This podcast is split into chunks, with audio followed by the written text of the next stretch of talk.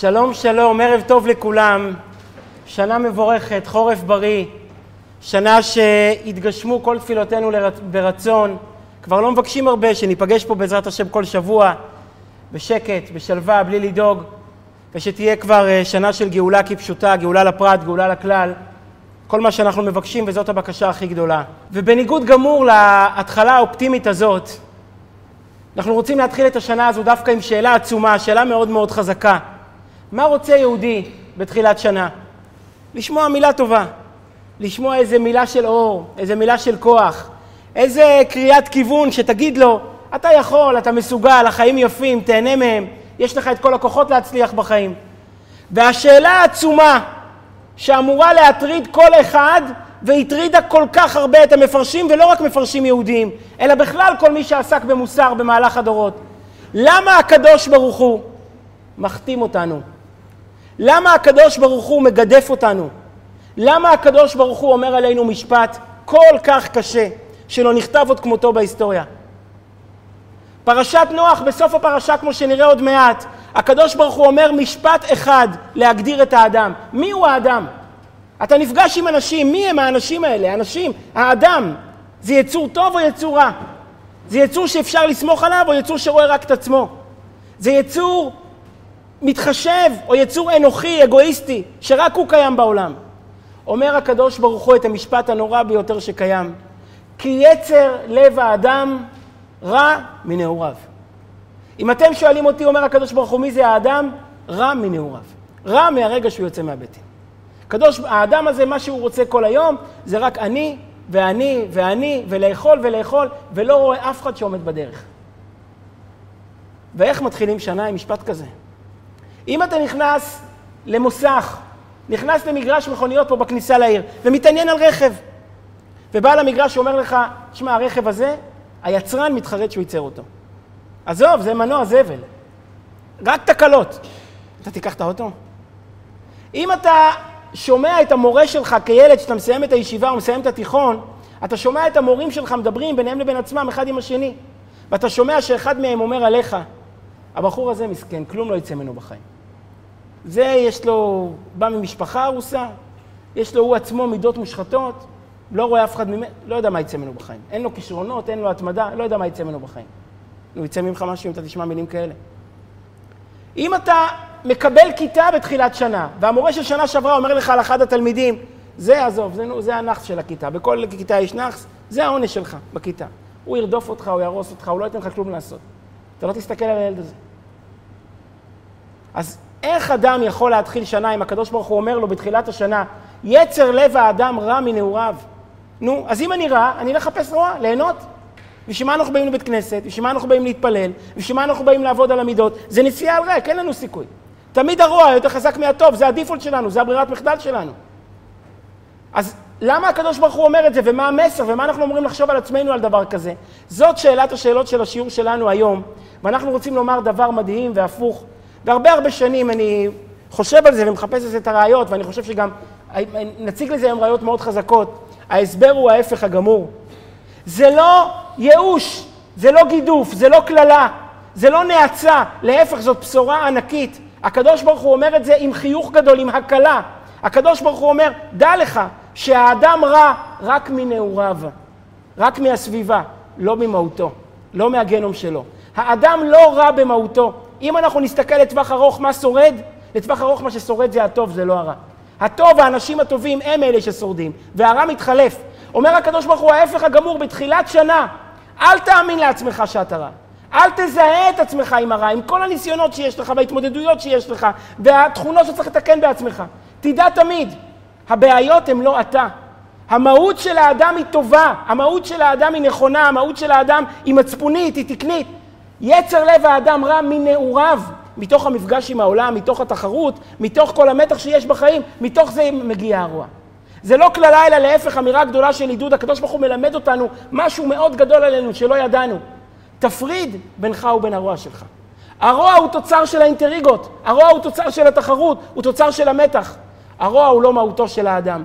האדם כשלעצמו הוא, הוא טוב, הוא רוצה להיות טוב, ועובדה שבטווח הארוך זה מה שמנצח, כמו שנראה עוד מעט, כשאנחנו שופטים את ההיסטוריה לאורך זמן, אנחנו רואים שההיסטוריה נהיית יותר ויותר טובה, ואנשים לומדים מהדור הקודם, ומנסים להיות יותר הומניים, ויותר רכים, ויותר מתחשבים, מכל דור רק לומדים מקודם איך לתקן ואיך לא לחזור על הטעויות של קודם. למה? כי מהותו של האדם ומהותו של העולם היא ישרה וטובה, ולכן, ואילו כל הרוע, כל הבעיות שלנו, זה איזשהו לבוש, איזשהו מוטציה שהקדוש ברוך הוא שתה לתוכנו, ואם זה מוטציה, אז אפשר להחליט בתחילת חודש, בסוף חודש תשרי, שאפשר להיפרד ממנה, אפשר להשיל אותה, ואפשר להתחיל באמת שנה טובה ומתוקנת. אני רק אה, רוצה להקדיש את השיעור אה, לזכות כמה אנשים, גם לברכה ולצערנו גם להפך. קודם כל נתחיל מהטוב. אה, להקדיש את השיעור הראשון של השנה, פרשת נוח, לידיד יקר שמעלה את השיעור מדי שבוע לאינטרנט כבר עשר שנים בהתמדה גדולה, רבי שרון בן אורה, שהקדוש ברוך הוא יפתח לו את השערים וייתן לו הצלחה בכל מה שהוא עושה, בגשמיות, ברוחניות. להבדיל אלפי הבדלות, לעילוי נשמת הרב יורם מיכאל בן רבי חנינא אברג'ל, שהיום אה, יום הפטירה שלו, הרב יורם אברג'ל שהיה מסור ונתון להפצת החסידות, להפצת התניא, והיום הילדים שלו ממשיכים את כל המפעלים. שהקדוש ברוך הוא אה, ייתן אה, עלייה לנשמה וייתן הצלחה לילדים בכל מה שהם עושים להרחיב ולשגשג את המוסדות. ולעילוי נשמת האישה הצעירה היקרה חיימושקה בת משה אביגדור, שהלכה לעולמה אחרי מחלה קשה לפני כמה שנים. הקדוש ברוך הוא אה, ייתן ברכה למשפחה, ובעזרת השם שיראו שמחות מהילד והלאה והלאה לאורך ימים ושנים טובות. אני רק אתחיל ואומר שהשאלה הזאת היא שאלה מרתקת. השאלה אם האדם טוב או רע זו שאלה שקורעת את כל עולם המוסר, לא רק את העולם היהודי, כי זאת השאלה הראשונה שאתה שואל בחיים. אתה לוקח עובד. מה השאלה הכי חשובה מבחינתך? איזה בן אדם הוא? אפשר לסמוך עליו או אי אפשר לסמוך עליו? במה זה תלוי? אתה לא מכיר אותו אישית. השאלה מה תפיסת האדם שלך, מה הברירת מחדל שלך על אנשים. אתה נקלע לקונפליקט בתוך המשפחה, בן אדם לא מכבד אותך. מה אתה שואל את עצמך? תגיד לי, הוא רע או שהוא עושה את עצמו? הוא רע או שיש לו איזושהי בעיה ואני צריך עכשיו להתחשב בו? כל הזמן, ואותו דבר אדם שואל לגבי עצמו, כשאדם מתמודד עם הבעיות של עצמו, מה אני? אני טיפוס באמת בעייתי, טיפוס שלילי, או שיש לי איזושהי בעיה ואני צריך להתמודד איתה? זה, ברירת המחדל, תפיסת האדם שלנו היא משליכה על הכל, וזאת שאלה מוסרית מאוד מאוד גדולה, ויש ראיות לכאן וראיות לשם, אני רק אגיד שתי דוגמאות לכאן ולשם, איך שאפשר להוכיח במשך הדורות, אפשר לראות את האדם כאוסף של זבל, כיצור אנוכי, וזה נכון, יש בנו היבט כזה. ואפשר לראות באדם את היצור הכי יפה עלי אדמות, שאין עוד יפה כמותו. אני אביא דוגמה לכאן ודוגמה לכאן. יש אה, בסטנפורד, בקליפורניה, יש אה, פרופסור שקוראים לו זימברדו, והוא לפני 50 שנה, אני לא, לא זוכר בדיוק כמה, עשה ניסוי גדול, לבחון כמה האדם אכזרי, כמה האדם הוא סדיסט. כשפוגעים בו ויש לו יכולת להחזיר, עד כמה הוא ילך עם זה קדימה, עד כמה הוא ירוץ לנקום ולחזק את הנוכחות שלו בלי, בלי להסתכל ימינה ושמאלה. הוא אסף 18, אה, 18 אה, אנשים, בחורים, אה, סטודנטים, מאוזנים, בריאים בנפשם, רגילים לגמרי, באופן אקראי הוא אסף אותם מהרחוב, הטיל ביניהם מטבע, תשעה נבחרו להיות צוערים ותשעה נבחרו להיות אסירים. לקח מרתף של כלא שם באוניברסיטה בסטנפורד, סליחה, מרתף, אה, בניין באוניברסיטה בסטנפורד, הפך אותו לתא כלא. סגר כל חדר עם, עם, עם דלתות פלדה, עם שרשראות, חושך, נורות ניאון חשוכות כאלה בחדרים. יצר אווירה מאוד מאיימת, מאוד קודרת. את התשעה האלה שנבחרו להיות צוערים, הוא הודיע להם, אתם התפקיד שלכם לשמור את הסדר בכלא. בכל מחיר, יש לכם שבועיים של ניסוי, לראות אם אתם מצליחים להשליט סדר על האנשים האלה. אתם צריכים לקבוע את הכללים, לקבוע את הענישה, אתם צריכים לעשות שם סדר. הם אה, נשלחו לתשעה האחרים הביתה, הכניסו אותם לתוך ניידת משטרה, הביאו אותם לכלא, הפשיטו אותם, הלבישו עליהם מין שק כזה, מין שק מלמעלה עד למטה על כל הגוף, שק כזה להשפיל את האנשים. על הראש הלבישו להם מין איזשהו שקית ניילון, על הראש במקום כובע. השפריצו עליהם איזשהו ספרי, אמרו שזה נגד קינים, זה לא נגד כלום, זה סתם היה בשביל להשפיל אותם. מכניסים אותם לתאים. היום הראשון עבר בשקט והיום השני התחיל הבלאגן. הם האסירים התרכזו, מה פתאום שנלבש את השקיות ניילון האלה? חנוק, מרתף, חם, הכל מזיע, הכל דביק לך, וצריך ללכת כל היום עם שקית ניילון על הראש, זה מתחיל לגרד לך כבר. זרקו את זה. הסוהרים אומרים, תלבשו את השקיות ניילון, פה זה החוק. לא רוצים את השקיות ניילון, אתם לא מי אתם שתגידו לנו מה לעשות? אנחנו ניכנס לתאים, נעשה סדר, לא תיכנסו. סגרו את הדלתות של התאים עם, אה, עם המיטות, עם מיטות ברזל של האסירים, שמו אותם על, המת, על הדלתות של התאים. הם הסוהרים רואים ברגע אחד את כל ה... הם, את, את המעמד שלהם מתפרק, הם לא יכולים להיכנס, לא יכולים להשליט סדר. לקחו מטפים, התחילו להטיס פנימה לתוך החדרים את החומצה הזו שעל האור, היא שורפת על האור. דחפו אותם לתוך החדרים בפחד מהמטפים, הזיזו את הדלתות, פרצו פנימה, את המנהיגים הכניסו לתוך צינוק, מין איזשהו ארון ברוחב חצי מטר, הודיעו להם, אתם עכשיו תהיו כל היום בארון הזה, לא תוכלו לזוז. נו, מובן שהאסירים כבר עשו מצד שני יד נגדם, ולא משתפים איתכם פעולה, ולא מכירים אתכם. הם לא נתנו להם לצאת לשירותים. הם הכניסו דלי לעשות את הצרכים בתוך החדר. לא הוציאו את הדלי, כל החדר הפך להיות מסריח. האסירים השתוללו, אז הם הורו להם לעשות שכיבות צמיחה, לעייף אותם, להחליש אותם. אחרי שישה ימים הפסיקו את הניסוי, מהאכזריות שכבר יצאה מהשליטה. הוא אומר, תראה מה זה האדם, אם רק נותנים לו כוח, אם רק נותנים לו יכולת, סמכות, להפעיל את הכוח שלו, הוא לא, יודע, הוא לא, הוא לא יעצור. עד שהוא יוכיח שהוא הכי חזק, שהוא מנצח, לא יהיה שום עצירה. זה היה ניסוי אחד שהוא הוכיח. מי... מה זה? הנאצים דברים יותר גדולים, אבל הנאצים אתה יכול להגיד, סוף סוף, אתה יודע, שטפו להם את המוח, פה לא שטפו את המוח, לא שנלחץ שלא מלמד זכות על הנאצים. יכולתי להביא דוגמה, ואני אביא דוגמה הפוכה דווקא. מהטוב אני אביא הפוך מהם. אבל הדוגמה ההפוכה, שהיא עוד יותר מרשימה מזאת, זו הדוגמה אחת של חסיד אומות העולם. מתוך כל האלפי האנשים המופלאים האלה שיש בעולם. אני אביא דוגמה אחת, של סוגיירה, אחת הדמויות, הדמויות המפורסמות והמדהימות ביותר שהיו פה בעולם במאה השנים האחרונות. הנאצים אה, כבשו את ליטא, ויהודים שרצו לברוח מליטא, עלה להם רעיון, יש להם גבול עם ברית המועצות, הם יחצו את כל, ברית המוע... את כל אה, רוסיה הגדולה, ויגיעו עד מזרח רוסיה, ממערב למזרח, ומשם יחצו לסין ויפן, ומשם יצאו לעולם הגדול. נו, אבל בשביל להיכנס לרוסיה ולחצות אותה על הצד השני, אתה צריך תעודת מעבר, שאומרת שיש לך אישור להגיע בסוף לסין, להגיע בסוף ליפן. נו, יהודים אומללים שכבר רואים את הנאצים מתחילים עם האיסוף, מתחילים עם האקציות, דפקו על שערי הקונסוליה היפנית להתחנן שייתנו להם תעודות מעבר ליפן, מה אכפת לכם? לא נישאר ביפן. רק נעבור ליפן ומשם ניסע לאמריקה. היה שם הקונסול, קראו לו סוגיהארה, והוא מבריק לטוקיו, שייתנו לו אישור לתת ליהודים אשרות מעבר. לא עונים לו, הם לא רוצים. הוא לא חיכה שייתנו לו תשובה. הוא ישב במשך חודש ימים, מבוקר עד לילה. לא יצא מהקונסוליה, לא עצר לאכול. מבוקר עד לילה, הוא, אשתו והעוזר שלו, וכתבו אשרות מעבר. נגד החוק. הוא ידע שאם זה יגיע לטוקיו יורידו לו את הראש, הם לא רחמנים היפנים. והוא ישב מבוקר עד ערב וכתב ששת אלפים ויזות. עד שהוא מקבל הוראה מטוקיו לעזוב מיד את השגרירות ולעלות על רכבת לברלין. הוא יצא מהקונסוליה לרכבת, יהוד, יש תמונות מזה שיהודים רצים אחריו, מתחננים שהוא יחתום להם על הדרכון. הוא המשיך כל הדרך במונית וכתב עוד ועוד ועוד. כשהגיע לרכבת הם צועקים עליו שלא חתמת. הוא על... ניגש לחלון של הרכבת וזרק את החותמת החוצה. את החותמת של הקונסוליה היפנית. שיהודים יחתמו לעצמם. הציל 30 אלף איש שעברו את הגבול לברית המועצות, הגיעו למזרח, ומשם יצאו לעולם הגדול, הציל להם את החיים. אז האדם הוא טוב או רע? האדם הוא יצור אפל שאין גבול לרוע שלו? או שהוא האדם הוא יצור אצילי שאין גבול לטוב שלו? אפשר להתווכח על זה. ובא הקדוש ברוך הוא ואומר משפט כל כך קשה, בלי כוכביות, כי יצר לב האדם רע מנעוריו, איך אפשר להבין את העניין הזה? מה, איך אנחנו מתחילים שנה עם משפט כל כך מדכא, כל כך קודר, שבעצם אומר לך, עזוב, אל תעבוד על עצמך. עזוב, הרי בסוף הכל נגזר מהציפיות שלנו לגבי עצמנו, נכון? אתם מכירים את זה, את המורה שיש לו איזשהו ילד, את הנאחס הזה של הכיתה שמוציא אותו מהדעת, המורה מאבד שליטה, טוב, אסור לספר את זה היום, יעצרו אותי על זה, אבל המורה מאבד שליטה ומוריד לו סטירה, כמו שחינכו אותנו, מוריד לו סטירה. למחרת האימא של המוישה הזה מגיעה לכיתה, והיא אומרת למורה, תשמע, שמעתי שאתמול נתת סטירה למוישה שלי, תדע לך שזה לא חינוכי. מוישה שלי יגדל, מוכתם, כל החיים, עם הרושם הזה שהמורה הרביץ לו, שהמורה אה, מנואש ממנו. אז הוא אומר לה, מה את רוצה? מוישה שלך מטריף אותי, מה את רוצה שאני אעשה יותר מזה? היא אומרת לו, תראה, תן סטירה לילד שליד מוישה. ואז מוישה יבין את הרמז, הוא יבין שהוא צריך להיזהר. אנחנו נגזרת של מה שחושבים עלינו, לפי מה האדם, אני קראתי פעם אה, סיפור מאוד מאוד מרגש על אה, איזשהו, בזמן מלחמת וייטנאם, שהוא חייל שנהרג והביאו את הגופה שלו לאמריקה, לקליפורניה, ועשו לו שם את הלוויה.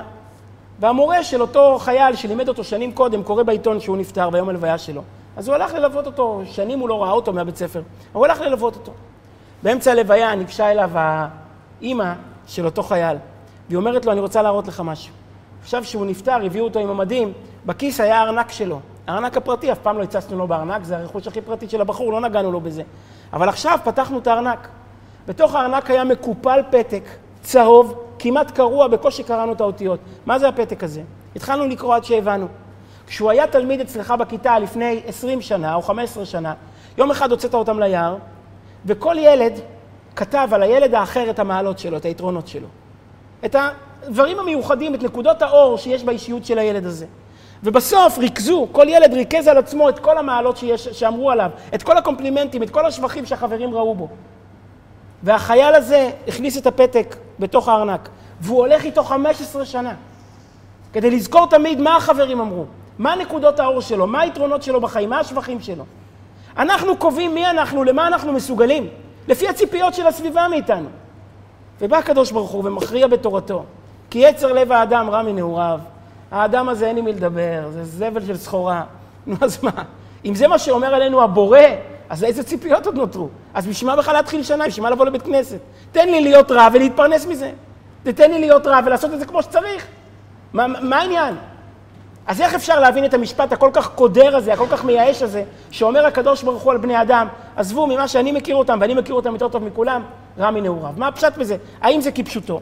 אז בואו נזכיר באמת את נקודת העניין, המבול הסתיים, וסוף סוף שמש זורחת, ונוח יוצא מהתיבה, ורואה עולם חדש. מן הסתם במצב רוח שלו, לא היה לו לא לשמוח. הכל מת, הכל נגמר, אין חברים, אין שכונה, אין בית כנסת, אין קהילה, מה הוא נשאר? הוא נשאר עם אשתו ושלושת הילדים והרבה בעלי חיים. אם זה מה שהוא נשאר בעולם. לא היה לו את האנרגיות להתחיל מחדש את העולם, אבל בכל זאת נוח עושה מאמץ. הוא מקריב קורבן לכבודו של הקדוש ברוך הוא. תראה, תראה את היכולת. תראה מה הקדוש ברוך הוא עשה, ניקה את העולם, תיאר אותו, השאיר אותי לבד מכולם. הוא מקריב קורבן תודה. אחר כך הוא שותה ומשתכר ואין לו את הכוחות להתחיל את העולם מחדש. הוא לא אברהם אבינו. אין לו את הכוחות להיות בונה העולם מחדש. אבל על כל פנים, לפני זה הוא עושה מעשה גדול, ומקים מזבח, ומקריב קורבן לכבודו של השם, והוא מאוד משקיע בקורבן הזה. הוא לא סתם מביא קורבן אחד לצאת ידי חובה, אלא אוסף נציגות מכל בעלי החיים הטהורים שהיו איתו בתיבה. יש הרבה בעלי חיים. מכל אחד מבעלי החיים הטהורים הוא לוקח נציגות ומקריב קורבן מכל זה ביחד. לתת את ההודעה שלו, את האמונה שלו, את ההכרה שלו בגדולת השם בפלא הזה שקרה פה בעולם. ואז מגיבה התורה במשפטים מיוחדים במינם שאין עוד כמותם. ויהי ונוח מזבח להשם, ויקח מכל הבהמה הטהורה ומכל העוף הטהור, ויעל עולות במזבח. וירח השם את ריח הניחוח, ויאמר אל ליבו, לא אוסיף עוד לקלל עוד את האדמה בעבור האדם. אומר הקדוש ברוך הוא, איזה ריח ניחוח עולה מהקורבנות של נוח? אז זהו, אז לא יהיה יותר מבול. פעם אחת נשבע הקדוש ברוך הוא פעמיים וחוזר על זה. פעם אחת עשיתי מבול, אני נשבע שיותר לא יהיה עונש כזה. לא יהיה עונש נורא כזה שיחריב את העולם מראשיתו. למה? ועכשיו אתה מצפה בטח לאיזושהי אמירה, כי הבן אדם הזה מתוק, כי תראה את נוח, כי אחרי הכל הבן אדם הזה הוא נפלא. ואז מוסיף הקדוש ברוך הוא את המשפט ההפוך בדיוק. כי יצר לב האדם רע מנעוריו. מסביר הרמב"ן מה הכוונה, מסביר אור החיים מה הכוונה. האמת היא, אומר הקדוש ברוך הוא, אין לי מה לכעוס עליו.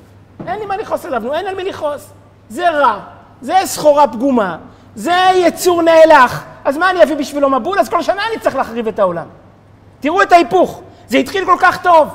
איזה ריח ניחוח, איזה קורבן, איזה נוח. ועם מה זה נגמר? אני לא אביא יותר מבול, אני אשאיר את העולם הזה לנצח. למה? כי יצר לב האדם רע מנעוריו, כך לכאורה בפשטות הפשט של הפסוק, כך אומר הרמב"ן ואור החיים ועוד הרבה. אין מה לעשות, זה הבן אדם, זה הילד שלי, מגיע השלב שאבא מגיע למסקנה שמהילד הזה לא יצא כלום. נו אז מה? עכשיו צריך לחיות עם מה שיש. אז יותר אני לא אדרוש ממנו כלום ולא אתבע ממנו כלום, ייתן לו את האוטו וייתן לו כסף, שיהיה מבסוט ויהיה לי שקט. זה כאילו, בפשט, כך אומר הרמב"ן, כך צריך לקרוא את הפסוק. הקדוש ברוך הוא, רק השאלה היא למה הוא מגיע לזה מתוך המזבח. טוב, עוד ננסה להבין. אבל על כל פנים, למה נאמר הפסוק, איך צריכים לקרוא את יצר לב האדם רע מנעוריו? זה נקודת השלמה של הקדוש ברוך הוא עם הבאסה של המציאות. נקודת השלמה של הקדוש ברוך הוא עם החולשה, עם הגריעות, עם הנמיכות של מעשה ידיו, ובמילא אני יותר לא אעשה את זה. מה הפשט? מסבירים המפרשים, מה הכוונה שהאדם הוא רע? אומר לך רש"י, כי יצר לב האדם רע מנעוריו. מה הפירוש מנעוריו? איזה גיל זה מנעוריו? מנעוריו, אומר רש"י, כמו משעה שהוא התנער, מהתנערותו. משעה שהוא יצא מבטן האם. מהשעה שהוא יצא מבטן האם הוא כבר רע. איך אני יודע? אומר רבנו בחיי, כי מה התנועה הראשונה של ילד, של תינוק שיוצא מבטן האם? הוא מחפש את שדי אמו, הוא מחפש לינוק. מהרגע שהוא יצא, הוא רק מחפש מה? למלות את התאווה, למלות את הצורך, את התשוקה שלו. עסוק בעצמו, וככה זה יימשך כל החיים. קודם הוא מחפש חלב, אחרי זה הוא יחפש כוח, אחרי זה הוא יחפש כסף, אחרי זה הוא יחפש לדרוך על הזולת, אחרי זה הוא יחפש להשיג את מה שיש לזולת. זה כל החיים. כל החיים הוא רק ינק. הוא רק ייקח מאחרים, יעלה על אחרים ויקח מאחרים. זה אומר הקדוש ברוך הוא, זה קלטתי, זה הבן אדם שבראתי. כל החיים רק עוד לבלוס ועוד לטרוף ועוד להשיג ועוד לדרוך, ויהיה המחיר אשר יהיה. מנעוריו כתיב, בלי ו', מי שננער, מי שהתנער לצאת ממי אמו, נתן בו יצר הרע. אומר רבנו בחניה, איך אני יודע? כי משעה שיוצא מבית הרחם מיד הוא מבקש פי הדת ונמשך אחר התאוות. אומר הרמב"ן, ולכן, אומר הקדוש ברוך הוא, נו, אז מה, אני אהרוג אותו? אין על מי לכעוס, הוא לא אשם. הוא בן אדם מכור, הוא בן אדם שאיבד את השליטה על עצמו, אז על מי אני אכעס? אני כל שנה את מי אני אהרוג? זה בן אדם שאין עם מי לדבר. מה, מהו רוע? רוע הוא איפה שיש בחירה. למה על בעל חיים אתה לא כועס כשהוא uh, מכה, כשהוא מזיק? אתה לא כועס על הבעל חיים הזה, למה? כי אין לבעל חיים בחירה. אין לו זיכרון, הוא לא יודע את המשמעות של מה שהוא עושה. אם אין לו זיכרון, אין לו בחירה, אז אין על מי לכעוס. האדם יש לו בחירה. אומר הקדוש ברוך הוא, הבחירה שלו היא כל כך קטנה, שהיא לא מצדיקה עונש נורא כמו המבול. היא מצדיקה עונש מקומי לאדם הנקודתי שחוטא, אבל עונש קולקטיבי לכל הבריאה, היא לא מצדיקה. מלמד עליהם זכות שיצירתם בתולדות רעה כבר בימי הנעורים, או יאמר מן הנעורים, כלומר מחמתם תהיה רעת היצר באדם שהם יחטיאו אותו. אור החיים מביא לזה דוגמה, דוגמה הלכתית. יש הלכה שאומרת ששור שפגע באדם, אז יש עונש על השור, יש עונש על ה... כי הוא שור מזיק, של להרחיק אותו מהבריות, שלא, שלא יבוא לפגוע עוד פעם, שור תם, שור מועד וכולי. יש כל הדינים שקשורים לשור וקשורים לבעל השור. אבל יש הלכה שאומרת שאם זה שור של קרקס, שור של האיצטדיון, הוא, לא מש... הוא לא משלם נזק.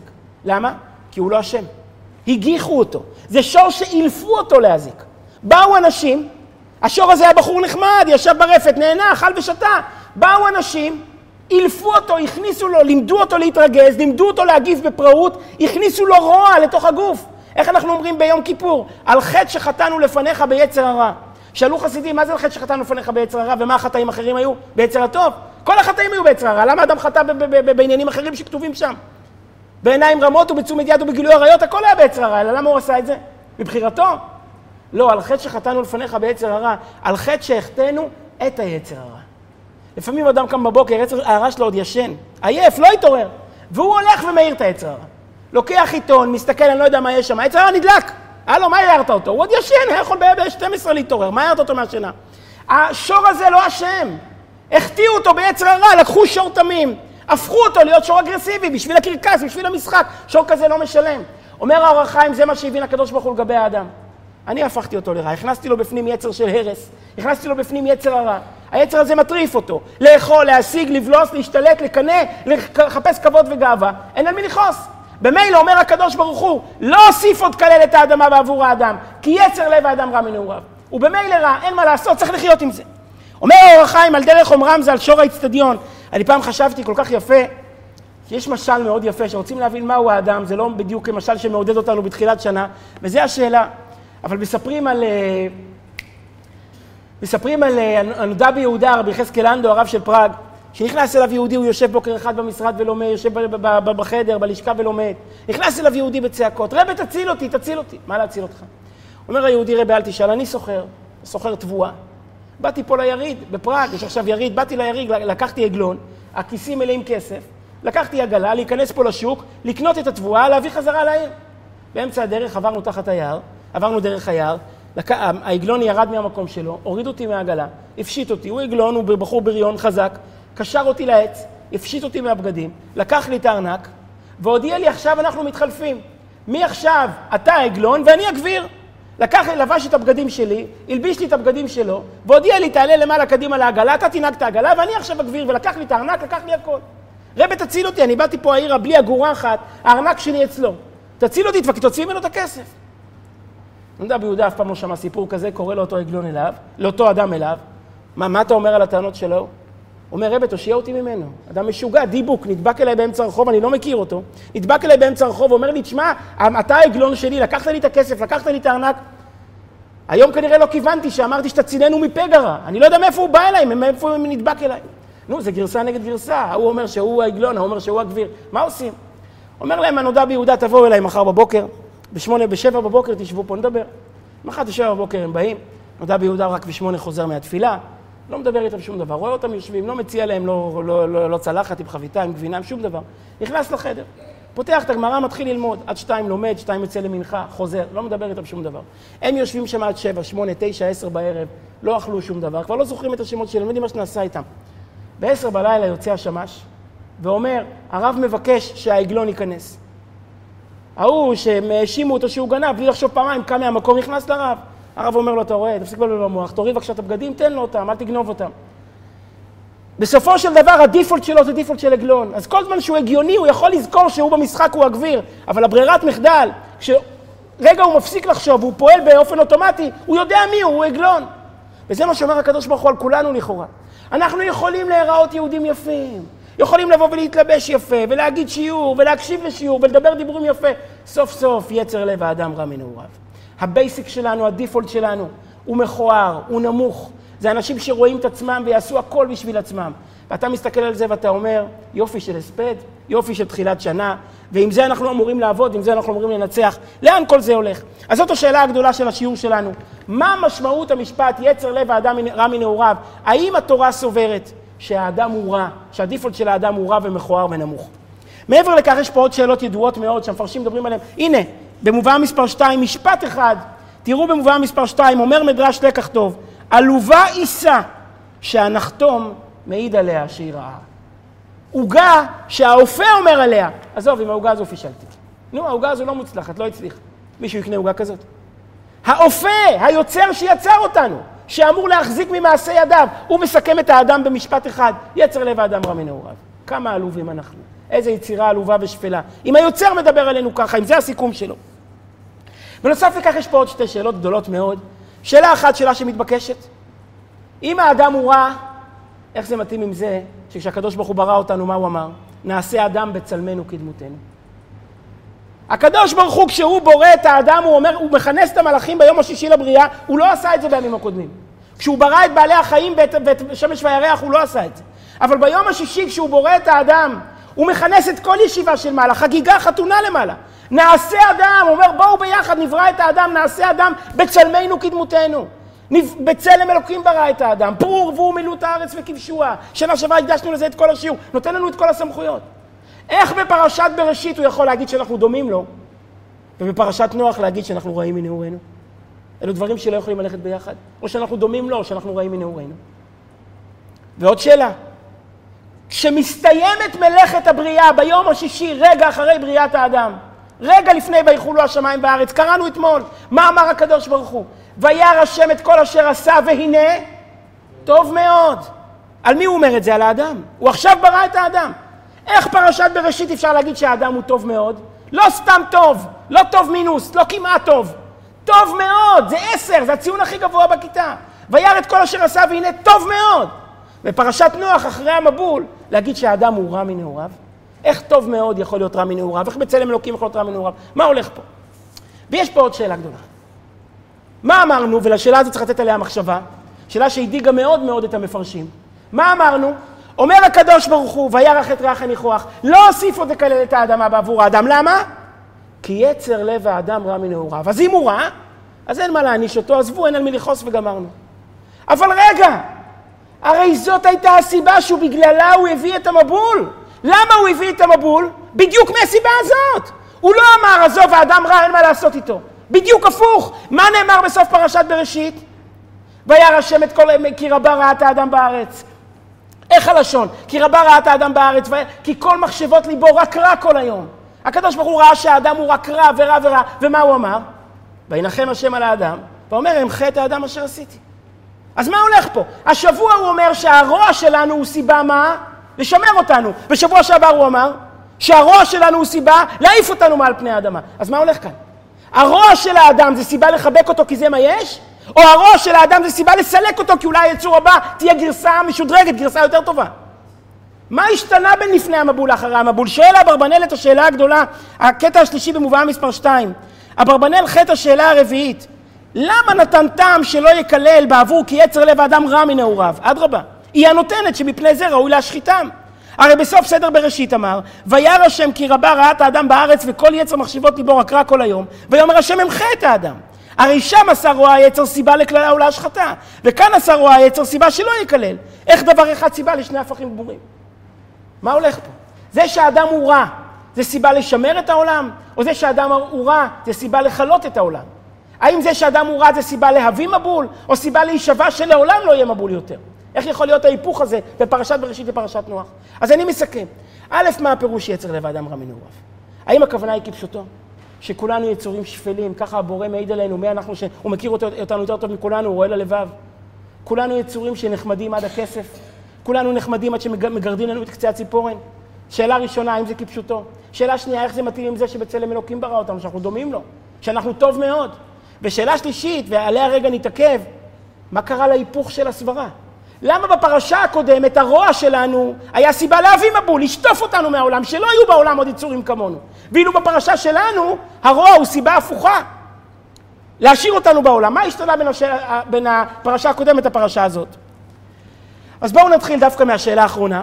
לפני שנדבר על עיקר העניין, האם באמת יצר לב האדם רע מנעוריו? מה תפיסת היהדות על האדם? מה צריכות להיות הציפיות שלנו אחד מהשני? מה צריכות להיות הציפיות שלנו מעצמנו? לפני שנבין את העניין עצמו.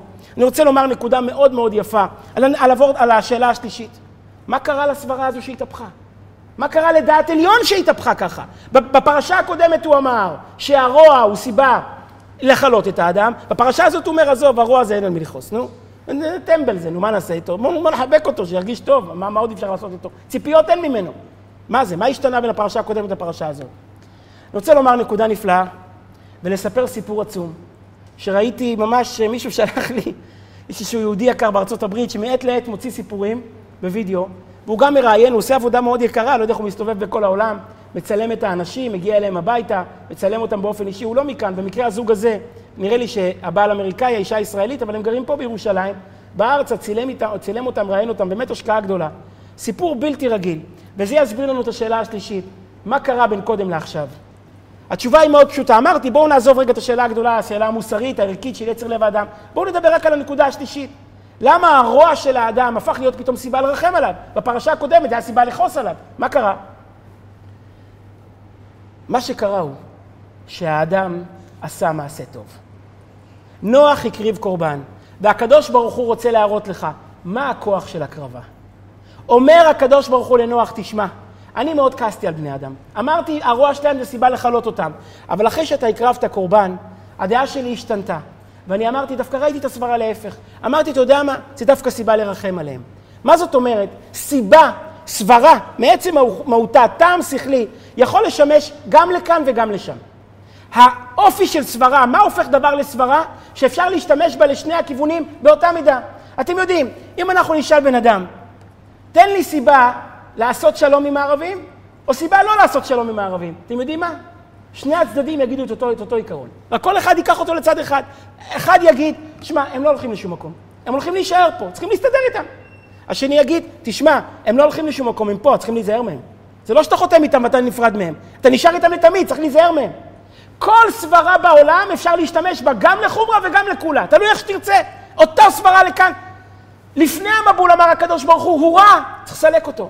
אחרי המבול אמר, למה? הוא רע, אז בואו נסתדר עם מה שיש. מה השתנה? לא הקדוש ברוך הוא השתנה.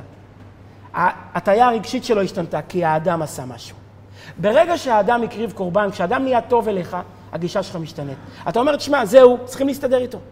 מה זה, התורה רוצה ללמד אותנו בפסוק הזה, מה הכוח של הקרבה של בן אדם.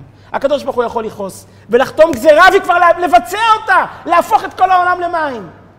אבל אם בא אדם אחד, אם בא נוח, ומקריב קורבן, קשה לו, מתעלם מעל המידות ועושה משהו מעצמו, מקריב משהו מעצמו, הקדוש ברוך הוא רואה אותו באור חדש ואומר, שמע, למה כעסתי עליך? הרי בסך הכל אתה אדם טוב, יש לך רוע, צריך להסתדר איתו, זה מה יש. למה הדבר דומה? קראתי על זה סיפור מופלא. מה הפירוש? וזה לא יאומן שבעלי המעשה מספרים אותו בפיהם, והסיפור התרחש לפני שנה, לא תגידו את זה לשבחי הבעל שם טוב. התרחש לפני שנה, בינינו, יהודים כמונו, עם אותם ניסיונות, אותם התמודדויות כמו שלנו. מספרים בני זוג בירושלים, דוד ותמר, ברח לי כרגע השם המשפחה. על כל פנים, מספרים בני זוג ב- בירושלים, הם אה, נעשו חתן וכלה בחנוכה לפני שנתיים. חודשיים לפני הקורונה, שלושה חודשים הם נעשו חתן וכלה. אה, הם תכננו חתונה מאוד גדולה, הבחור מחוץ לארץ, והם מתכננים חתונה מאוד גדולה, להביא את כל המשפחה שלו לכאן, לעשות את החתונה בה' בניסן, ערב פסח, להביא מטוס שלם מארצות הברית לכאן, כל המשפחה, כל החברים. פורים פורץ הקורונה.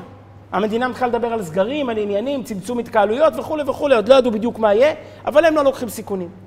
ביטלו את האירוע, הודיעו לקרובים מחוץ לארץ שלא יבואו, אף אחד שלא יבוא. עשו רשימה מינימלית של 20-30 איש, מראים תמונות מתוך האירוע, הכי מינימום שאפשר, לפי כל הכללים, לא לעבור על שום הגבלה, מינימום שבמינימום, לשמוח, להתחתן, להתחיל את החיים. הם עושים את האירוע באיזושהי דירה בירושלים, באמת הקפידו על כל הנהלים שלא יהיה יותר מדי, הכל היה בסדר. החופה הייתה מאוד מרגשת, הארוחה התחילה, האוכל היה טוב, היה מושקע, אנשים נהנו כמה שהיה, אבל השמחה הייתה בלב. פתאום רץ מישהו פנימה ואומר למטה מתאספות ניידות משטרה. כנראה שמישהו התקשר, הלשין, מתאסף בלאגן.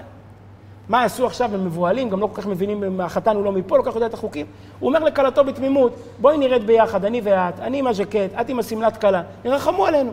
יורדים למטה, ניגשים לניידת, אומרים לקצין, תראה, אנחנו החתן והכלה, יש למטה בסך הכל 20-30 איש, אין שום טעם לעצור את האירוע, הכל בסדר, הדירה סגורה. אבל המשטרה הייתה בהיסטריה, היו הרבה אירועים כאלה, רובם היו לא כמו, לא כמו החוק, צפצפו על החוק. מבחינתם זה היה עוד איזה אירוע כזה של הם חפלפ אחד. לא, אתם נשארים עכשיו פה, עצרו אותם לשעה וחצי, בקור הירושלמי למטה, לא נותנים להם לעלות למעלה, עד שכולם התפזרו, נתנו להם קנס. אחרי שעה וחצי מרשים להם לעלות חזרה, הדירה ריקה, כולם ברחו, אין אף אחד, לא יכול לעשות שבע ברכות. החתן היה צריך לעמוד למטה, עם הז'קט של החתונה, לעמוד למטה ברחוב הירושלמי, לעצור שבעה, שמונה בחורים שירחמו עליו ויעשו טובה, יעלו למעלה, יאכלו משהו, שיעשו שבע ברכות. הכלה הייתה כל כך מסכנה, הערב הגדול שלה התפרק. חזרה הביתה לבד, אף אחד לא ליווה אותה, אף אחד לא חיכה לה. חודשים עם הטראומה הזאת. אחרי כמה חודשים הגיע הווידאו, התמונות, הם לא פתחו את זה אפילו. לא יכולים להיזכר בערב הזה. הערב שאצל כל חתן וכלה זה פסגת החיים. אצלם זה היה הטראומה של החיים, ההתפרקות של החיים. שבת, יום שישי, ערב שבת תשובה. חולפת חצי שנה מהחתונה. החתן מקבל טלפון מאבא שלו. אבא אומר לו, תשמע, התקשר אליי בחור ישיבה ירושלמי, מבקש ממני סליחה. הוא אומר שהוא הזמין לכם את המשטרה, הוא לא בדק. הוא שמע מוזיקה, תזמורת מלמעלה. מבחינתו זו הייתה עוד חתונה של מפרת קורונה, הוא הזמין את המשטרה. אבל קרה לו משהו מאז. הוא לא קיבל שום הצעת שידוכים מאז. עד אז הוא היה בחור ישיבה מבוקש, נחמד, משפחה טובה, בן 24, כל הזמן השטחניות היו רודפות אחריו, הוא תמיד היה פוסל. עכשיו מאז, מה' בניסן או מכ"ה באדר הייתה החתונה, הוא לא קיבל הצעת שידוכים אחת, הוא נעלם מהפנקס של השטחניות. הוא החליט שבערב יום כיפור הוא עוזר אומץ, הוא מתגלה, הוא מתוודה, והוא מבקש סליחה. האבא מבקש מדוד, מהחתן, מה, מהאבא, מהבעל, זאת אומרת, תמחלו לו. הוא מסתכל על אשתו, היא מסתכלת עליו, איך הם יכולים למחול? הוא החריב להם את החתונה.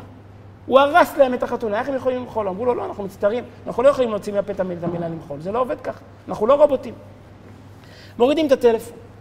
דוד הולך לבית הכנסת, הוא אומר בערב שבת, הוא קורא ידיד נפש אב הרחמן, הוא קורא חנון, הוא קורא את כל התפילות, את הגישה של הקדוש ברוך הוא, כמה הקדוש ברוך הוא נותן צ'אנס, וכמה הקדוש ברוך הוא מרחם, והקדוש ברוך הוא רואה את הטוב. עד מוצאי שבת הוא דיבר עם אשתו שכן צריכים למחול. הקדוש ברוך הוא, הוא יודע. למה זה קרה, אנחנו לא יודעים, אבל צריכים לסלוח. מוצאי שבת הוא מתקשר לאבא, תתקשר לאותו בחור, תגיד שאנחנו סומכים לו, מאחלים לו שנה טובה, שיתחתן, שיקים בית בישראל, שישאיר את זה מאחוריו. למחרת יום כיפור, בשעה חמש וחצי בערב, הוא עומד מאחורי הבית, הוא בונה סוכה. הוא מחכה שאשתו הצעירה תחזור מהעבודה. חמש וחצי בערב היא צריכה לחזור מהעבודה. פתאום נכנסת אחותה בצעקות בצרחות, תאונת דרכים, תמר נפגעה, שלושה כלי רכב נכנסו בתאונת שרשרת, שלושה כלי רכב התגלחו עליה ביחד. הוא נכנס להיסטריה, רק הוא יודע שהיא בתחילת הריון. הוא חושב, מי יודע מה יש שם. הוא רץ להדסה, הוא מגיע לחדר מיון, סרטים שחורים. הוא רואה אותה יושבת על כיסא, ברוך השם, כוס מים, הכל בסדר. מתברר שהיא והעובר, שלום. ניגש הרופא, אומר, תשמע, מלאכים טובים שומרים על, על, על אשתך. כרית האוויר הייתה אמורה להיפתח, לא נפתחה. אם הייתה נפתחת לה לתוך הבטן, נגמר הסיפור. לא נפתחה, אנחנו לא מבינים, לפי הזווית, אנחנו לא מבינים למה לא נפתחה. הוא אומר, אני, אני יודע למה, הוא אומר לעצמו, לאשתו, אני יודע למה לא, לא נפתחה. כי עמדנו בניסיון שלנו. הקרבנו משהו מעצמנו, אז הקדוש ברוך הוא שינה את הכיוון של, את הכיוון של הרכב, שינה את הכיוון של כרית האוויר. זה מה שאומר לנו הקדוש ברוך הוא כאן. וירח השם את ריח הניחוח. אז את אותה סברה שהוא השתמש בה קודם לחומרה, עם אותה סברה עצמה הוא משתמש לכולה. למה? כי הרגש קובע את ההטייה של הסברה. אמרתי, יש סברה שאומרת האדם הוא רע.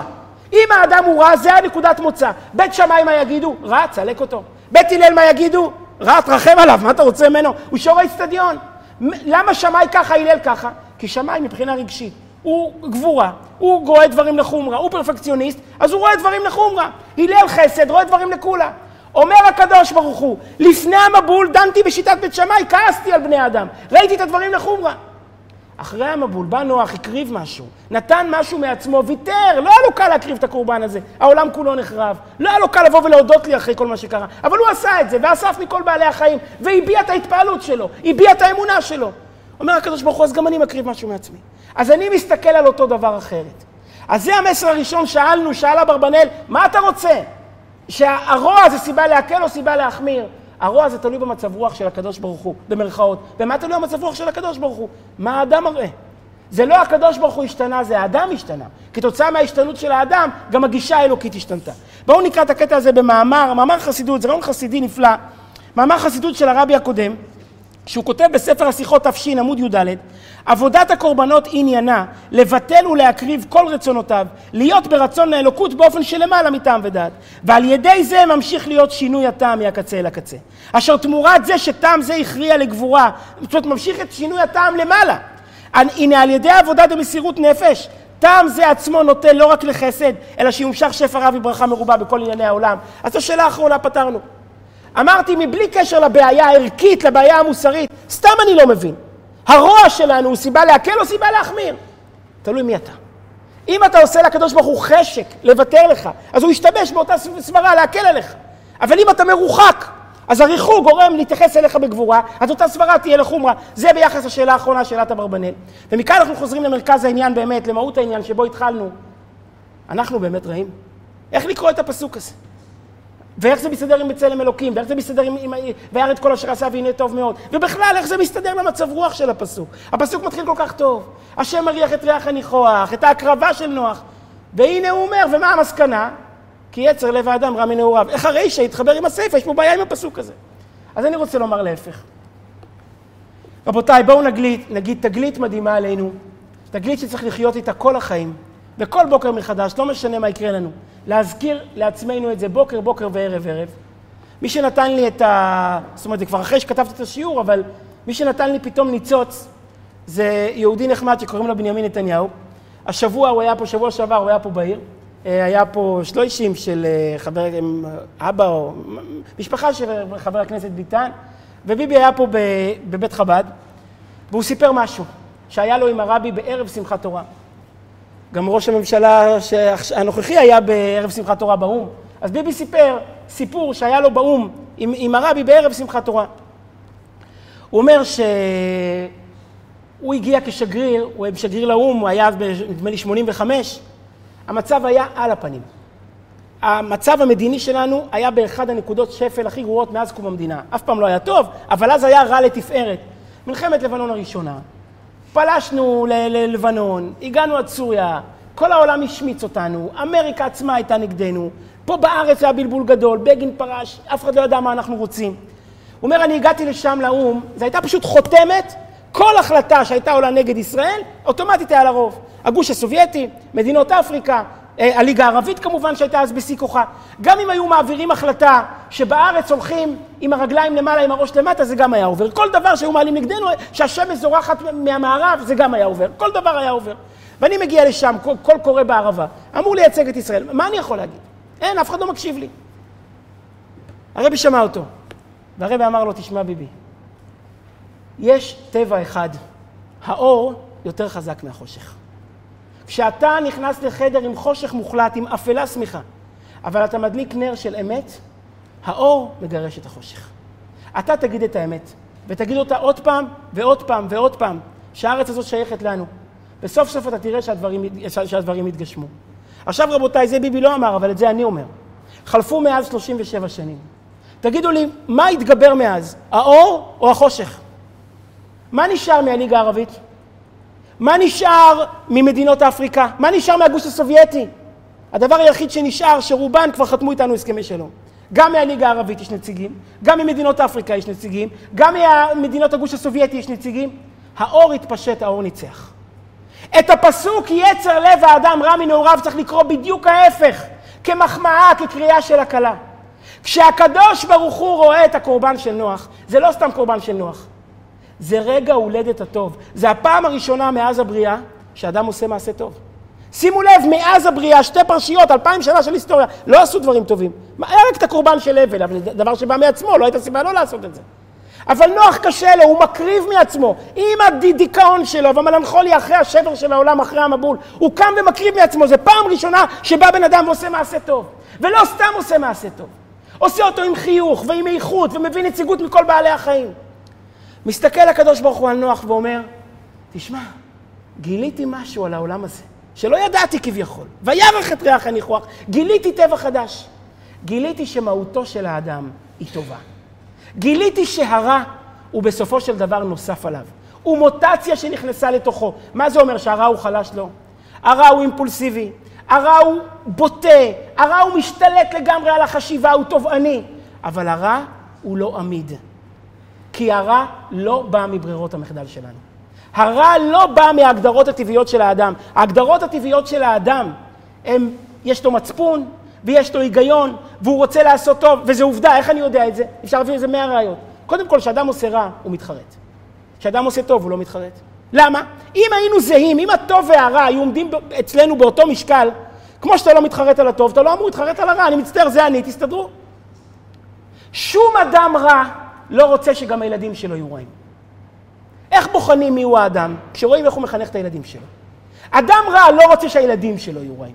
גם אם הוא עצמו יקלע חלקו. בואו נסתכל על ההיסטוריה. אני קראתי לא מזמן דבר כל כך מדהים. קודם כל בואו נסתכל על ההיסטוריה. אמרנו, יש לנו כבר אפשרות לראות 5,700 שנה, כמעט 5,800 שנה של היסטוריה. אפשר לבחון את העולם. העולם משנה לשנה נהיה יותר מוסרי או פחות מוסרי? נהיה יותר הומני או, יותר, או פחות הומני? יותר רך או פחות רך? אין בזה שום ספק. פעם השעשוע היה גלדיאטורים. השעשוע היה קרקסים עם בעלי חיים. זה הייתה הנאה ברומא האצילית, ביוון האצילית. זה הייתה הנאה, לא היה משהו אחר. היינו היחידים שדיברנו על צער בעלי חיים. מי דיבר על זה בכלל? איזה זכויות היו לבעלי חיים? היום אסור לפגוע בחתול. היום אסור עבדות, אסור כליאה, זאת אומרת כליאה בתנאים לא אנושיים, אסור לפגוע בשבויי מלחמה. איפה היו? התורה אמרה בצלם אלוקים ברא את האדם. מי דיבר על זה? פעם היו אנשים עם דם כחול וכל השאר. משנה לשנה אנחנו רואים שהאדם לומד מהטעויות של קודם, והעולם הופך להיות הרבה יותר רומני, הרבה יותר צודק, הרבה יותר רך. נאמר את זה ככה, הרוע הוא הרבה יותר אימפולסיבי, הוא הרבה יותר אכזרי, אבל הטוב הוא יותר עמיד. הטוב הוא יותר צודק, הטוב יותר מחזיק מעמד. מה שהקדוש ברוך הוא מגלה אצל נוח זה שיצר לב האדם רע רק מנעוריו, רק מסיבות סביבתיות, לא מסיבות גנטיות. אומר הקדוש ברוך הוא, הגנטיקה של האדם היא טובה, הרוע זה וירוס שמשתלט עליו, אבל זה לא המהות שלו. וזה נותן לנו כוח עצום, כי לא משנה מה תהיה ההתמודדות שלנו. אנחנו צריכים לקום בבוקר ולהגיד, זה לא אני. הרוע הזה שיש בי, הבעיות שיש בי, החולשות שיש בי, אתם יודעים מה, אני אפילו מדבר על רוע יותר עדין, שהוא לא, אפילו לא צריך מוגדר כרוע. החומריות. אצל יהודי רוע מתחיל מחומריות. עצם המשיכה אחרי תאוות העולם, הנאות העולם, אחרי כסף. ראיתי דבר מדהים. יש אה, ספר שנקרא חמש החרטות הנפוצות אה, לפני המוות. זה ספר שכתבה אותו אחות בשם ברוניבר אוסטרלית, תחפשו בגוגל, שהיא ליוותה אה, חולים סופניים, השם מרחם, לפני מותם, עובדת בהוספיס, וחולים השם מרחם שהולכים למות, והיא ליוותה אותם בחודשים האחרונים. ויצא לה הרבה זמן לשוחח איתם. והיא שמה לב לדבר מדהים. היא שמה לב שכולם בסוף החיים, יש להם פתאום שאף אחד לא ידע את האפשרות של שוב יום אחד לפני מיתתך. יש להם את האפשרות לשוב, לעשות תשובה לפני המוות, להסתכל בפרספקטיבה על החיים אחורה, מה שלכולנו אין, ברוך השם, את הפריבילגיה הזו. כי אנחנו רצים מיום ליום, אנחנו בטוחים שנחיה לנצח. אבל הם יודעים שיש להם סוף, יש להם תאריך תפוגה, הם יודעים בערך גם מתי זה יהיה. אז בחודשים האחרונים כל מה שנשאר להם זה לעשות תשובה, זה לעשות חשבון נפש, זה להסתכל על החיים ולשאול, מה יכולתי לעשות טוב יותר? והיא שמה לב שכולם מתחרטים, ומה שיותר מעניין, והיא עשתה מזה ספר, היא שמה לב שכולם מתחרטים על אותם דברים. כל האנשים גברים, נשים, דתיים, לא דתיים, נוצרים, מוסלמים, לא משנה, בני אדם, בצלם אלוקים ברא את האדם. היא שמה לב שכל בני האדם שעושים חשבון נפש של החיים, מתחרטים על אותם דברים, והיא עשתה מזה ספר חמש החרטות הנפוצות לפני המוות. אדם מתחרט למה הוא לא היה יותר עם המשפחה, אה, למה הוא לא התנדב יותר, למה הוא לא ביטא יותר רגש, למה הוא לא היה יותר נאמן לעצמו, הוא נכנע לקונפורם, לכל מיני לחצים חברתיים. אבל דבר מדהים, וחשבתי על זה, מה אין שם? אדם לא מתחרט למה הוא לא היה יותר עשיר. למה לא היה לו יותר כסף? זה מדהים. מה המחשבה שהכי, לפחות אצל גברים, הכי מייעדת היום מבוקר עד ערב, אני חושב, זה כסף. עוד כסף ועוד כסף. כשלאדם יש אפשרות להסתכל על החיים אחורה, כסף לא ברשימה. מה זאת אומרת? שבמהותנו אנחנו יותר עמוקים מזה. אז החומריות היא יותר אימפולסיבית, והיא יותר תובענית, והיא יותר מאיימת, והיא יותר מלחיצה, ואם חס ושלום פיטרו אותנו מהעבודה, אנחנו משוגעים. אבל צריך להירגע. צריך להירגע, זה לא באמת אנחנו. אנחנו יותר עמוקים מזה, ויש לנו אוצרות שהם יותר גדולים מזה והם יותר עשירים מזה, וזאת הבשורה הגדולה של הקדוש ברוך הוא בפסוק הזה. כשהוא רואה את הטוב של נוח, את ההקרבה של נוח, את ההתגברות של נוח, הקדוש ברוך הוא נאנח הנחת הקלה ואומר, יצר לב האדם רע, רק מנעוריו. רק מתוך התחרות של החיים, מתוך הלחצים של החיים, לא באופן גנטי. איך אני יודע את זה? זה פשוט מאוד, זה כתוב בתוך הפסוק. הפשט החסידי הזה כתוב במפורש בתוך הפסוק. בואו נסתכל, מה כתוב פה? כי יצר לב האדם רע מנעוריו. אבל מה נאמר בסוף פרשת בראשית? כל מחשבות ליבו רק רע כל היום. פה הקדוש ברוך הוא מעדן את ההגדרה הרבה יותר. קודם בסוף פרשת בראשית מה נאמר? כל מח... וירא השם כי רבה רעת האדם בארץ. כל מחשבות ליבו רק רע כל היום. אבל כאן מה הוא אומר? כי יצר לב האדם רע מנעוריו. אז ההגדרה כאן היא מצמצמת או מרחיבה? היא נועדה לצמצם את הרושם של הרוע. יותר מזה, וזאת ראיה מדהימה, נדמה לי שהעתקתי את זה מבפנים, זה דבר מדהים. המשפט יצר לב האדם רע מנעוריו, כל מהותו, זה הפשט שלו, היא להגביל את הרוע. היא לומר שהרוע של האדם הוא לא גנטי, הוא לא מולד, הוא לא מהותי, הוא נוצר מתוך הטראומות, מתוך הלחצים, מתוך המרדף של החיים. איך אני יודע זה מפורש? הגמרא אומרת, זה מאוד מעניין, שהייתה מחלוקת פילוסופית בין, אנטוני, בין רבי יהודה הנשיא לאנטונינוס. רבי יהודה הנשיא ואנטונינוס היו שני חברים, והם נולדו גם באותו יום, היה ביניהם קשר אה, אה, סימביוטי מאוד עמוק. ומספרת הגמרא, היה להם הרבה דיונים, היה להם גם דיון פילוסופי. הם דנו מתי נוצר הרוע באדם. ממתי אדם הוא רע? ממתי אדם הוא אגרסיבי? ממתי אדם הוא אנוכי? מתי זה מתחיל? רבי אמר שזה מתחיל מהרגע של ההפריה, מהרגע שהוא נוצר. עוד בבטן אימו, הוא כבר רע, אם הוא היה יכול, הוא כבר היה מכה את אימא גם בפנים, אם הוא רק היה יכול. ואנטונינוס אמר לא נכון, רק מהרגע שהוא יוצא לעולם. מה המחלוקת? השאלה אם הרוע הוא גנטי, הרוע הוא מהותי מעצם קיומי כאדם, או הרוע הוא סביבתי מתוך הטראומות, מתוך התחרות, מתוך הלחץ של החיים. ואומר לו רבי לאנטונינוס, אתה צודק. הרוע של האדם הוא סביבתי, מאיפה אני יודע?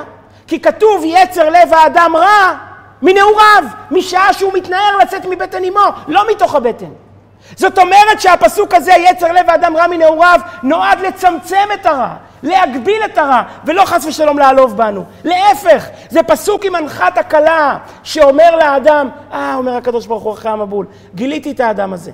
כלפי חוץ הוא רע, כלפי חוץ הוא אגרסיבי, כלפי חוץ הוא נחוש, אבל אם תחפור פנימה, תגלה בן אדם שרוצה להקים משפחה, שרוצה לחיות, שרוצה שלך יהיה טוב ולא יהיה טוב, ואם תדעו להתחלק, הכל יהיה בסדר.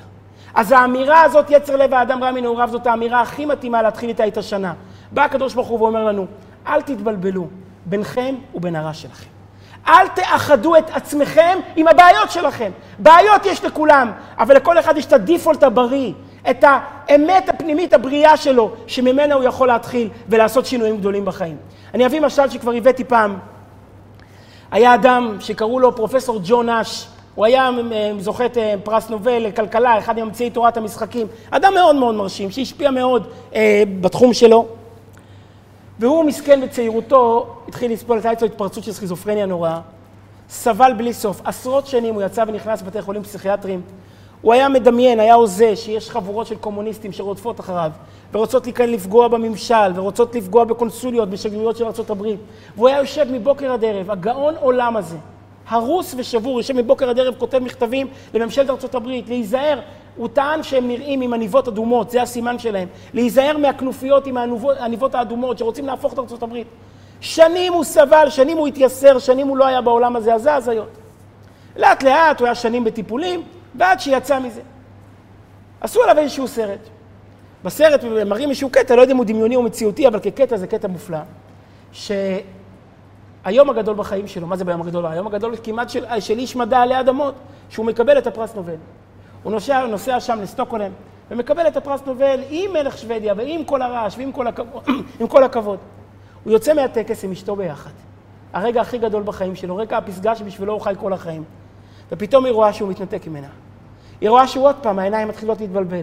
והוא עוד פעם מתחיל עם המאבקים, עם המרדף עם האנשים האלה. והיא חושבת מה להגיד.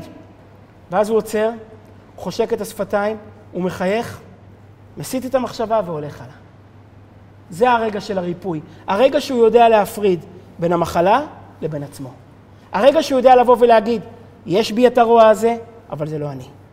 יש בי את הטירוף הזה, יש בי את הקלקול הזה, יש בי את הסטייה הזו, אבל זה לא אני. ואם זה לא אני, אני יכול לחשוק את השפתיים, להסיח את המחשבה וללכת למקום אחר. זאת הבשורה של יצר לב האדם רע מנעוריו. אומר הקדוש ברוך הוא, הרע קיים, והנאצים קיימים, והרע מטריף את העולם, והרע קיים בכל אחד מתוכנו, וכל אחד מתוכנו עלול להיות רע, כמו שהראה אותו פרופסור בתחילת השיעור. אבל עדיין צריכים לדעת שתמיד אפשר לתקן, כי יש בנו רע, אבל אנחנו לא רעים. יש בנו רע, זה מוטציה, זה וירוס שקיים בתוכנו, אבל אתה לא הווירוס. אתה יכול לגייס את הכוחות החיוביים שלך כדי לדחות את הווירוס מתוכך. אז בואו נקרא את זה במילים של הרבי, את הרעיון היפה הזה שהוא אומר כל כך בקצרה.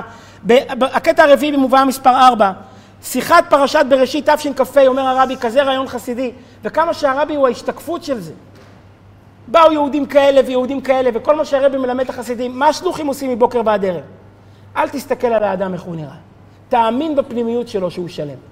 לא משנה מה הוא יאמר, ולא משנה מה הוא יגיד, ולא משנה איך הוא יתנהג. הפנימיות שלו שלמה וטהורה עד הסוף.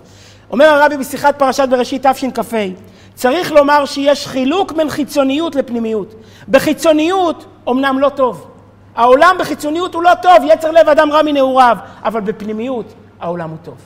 הרוע עם כל האגרסיביות שלו והאימפולסיביות שלו והרע שהוא עושה והנוכחות שלו, בסופו של דבר הרוע לא בוקע מתוכנו. הרוע הוא וירוס שהולבש, זה בגד שהולבש עלינו. בגד אפשר לפשוט.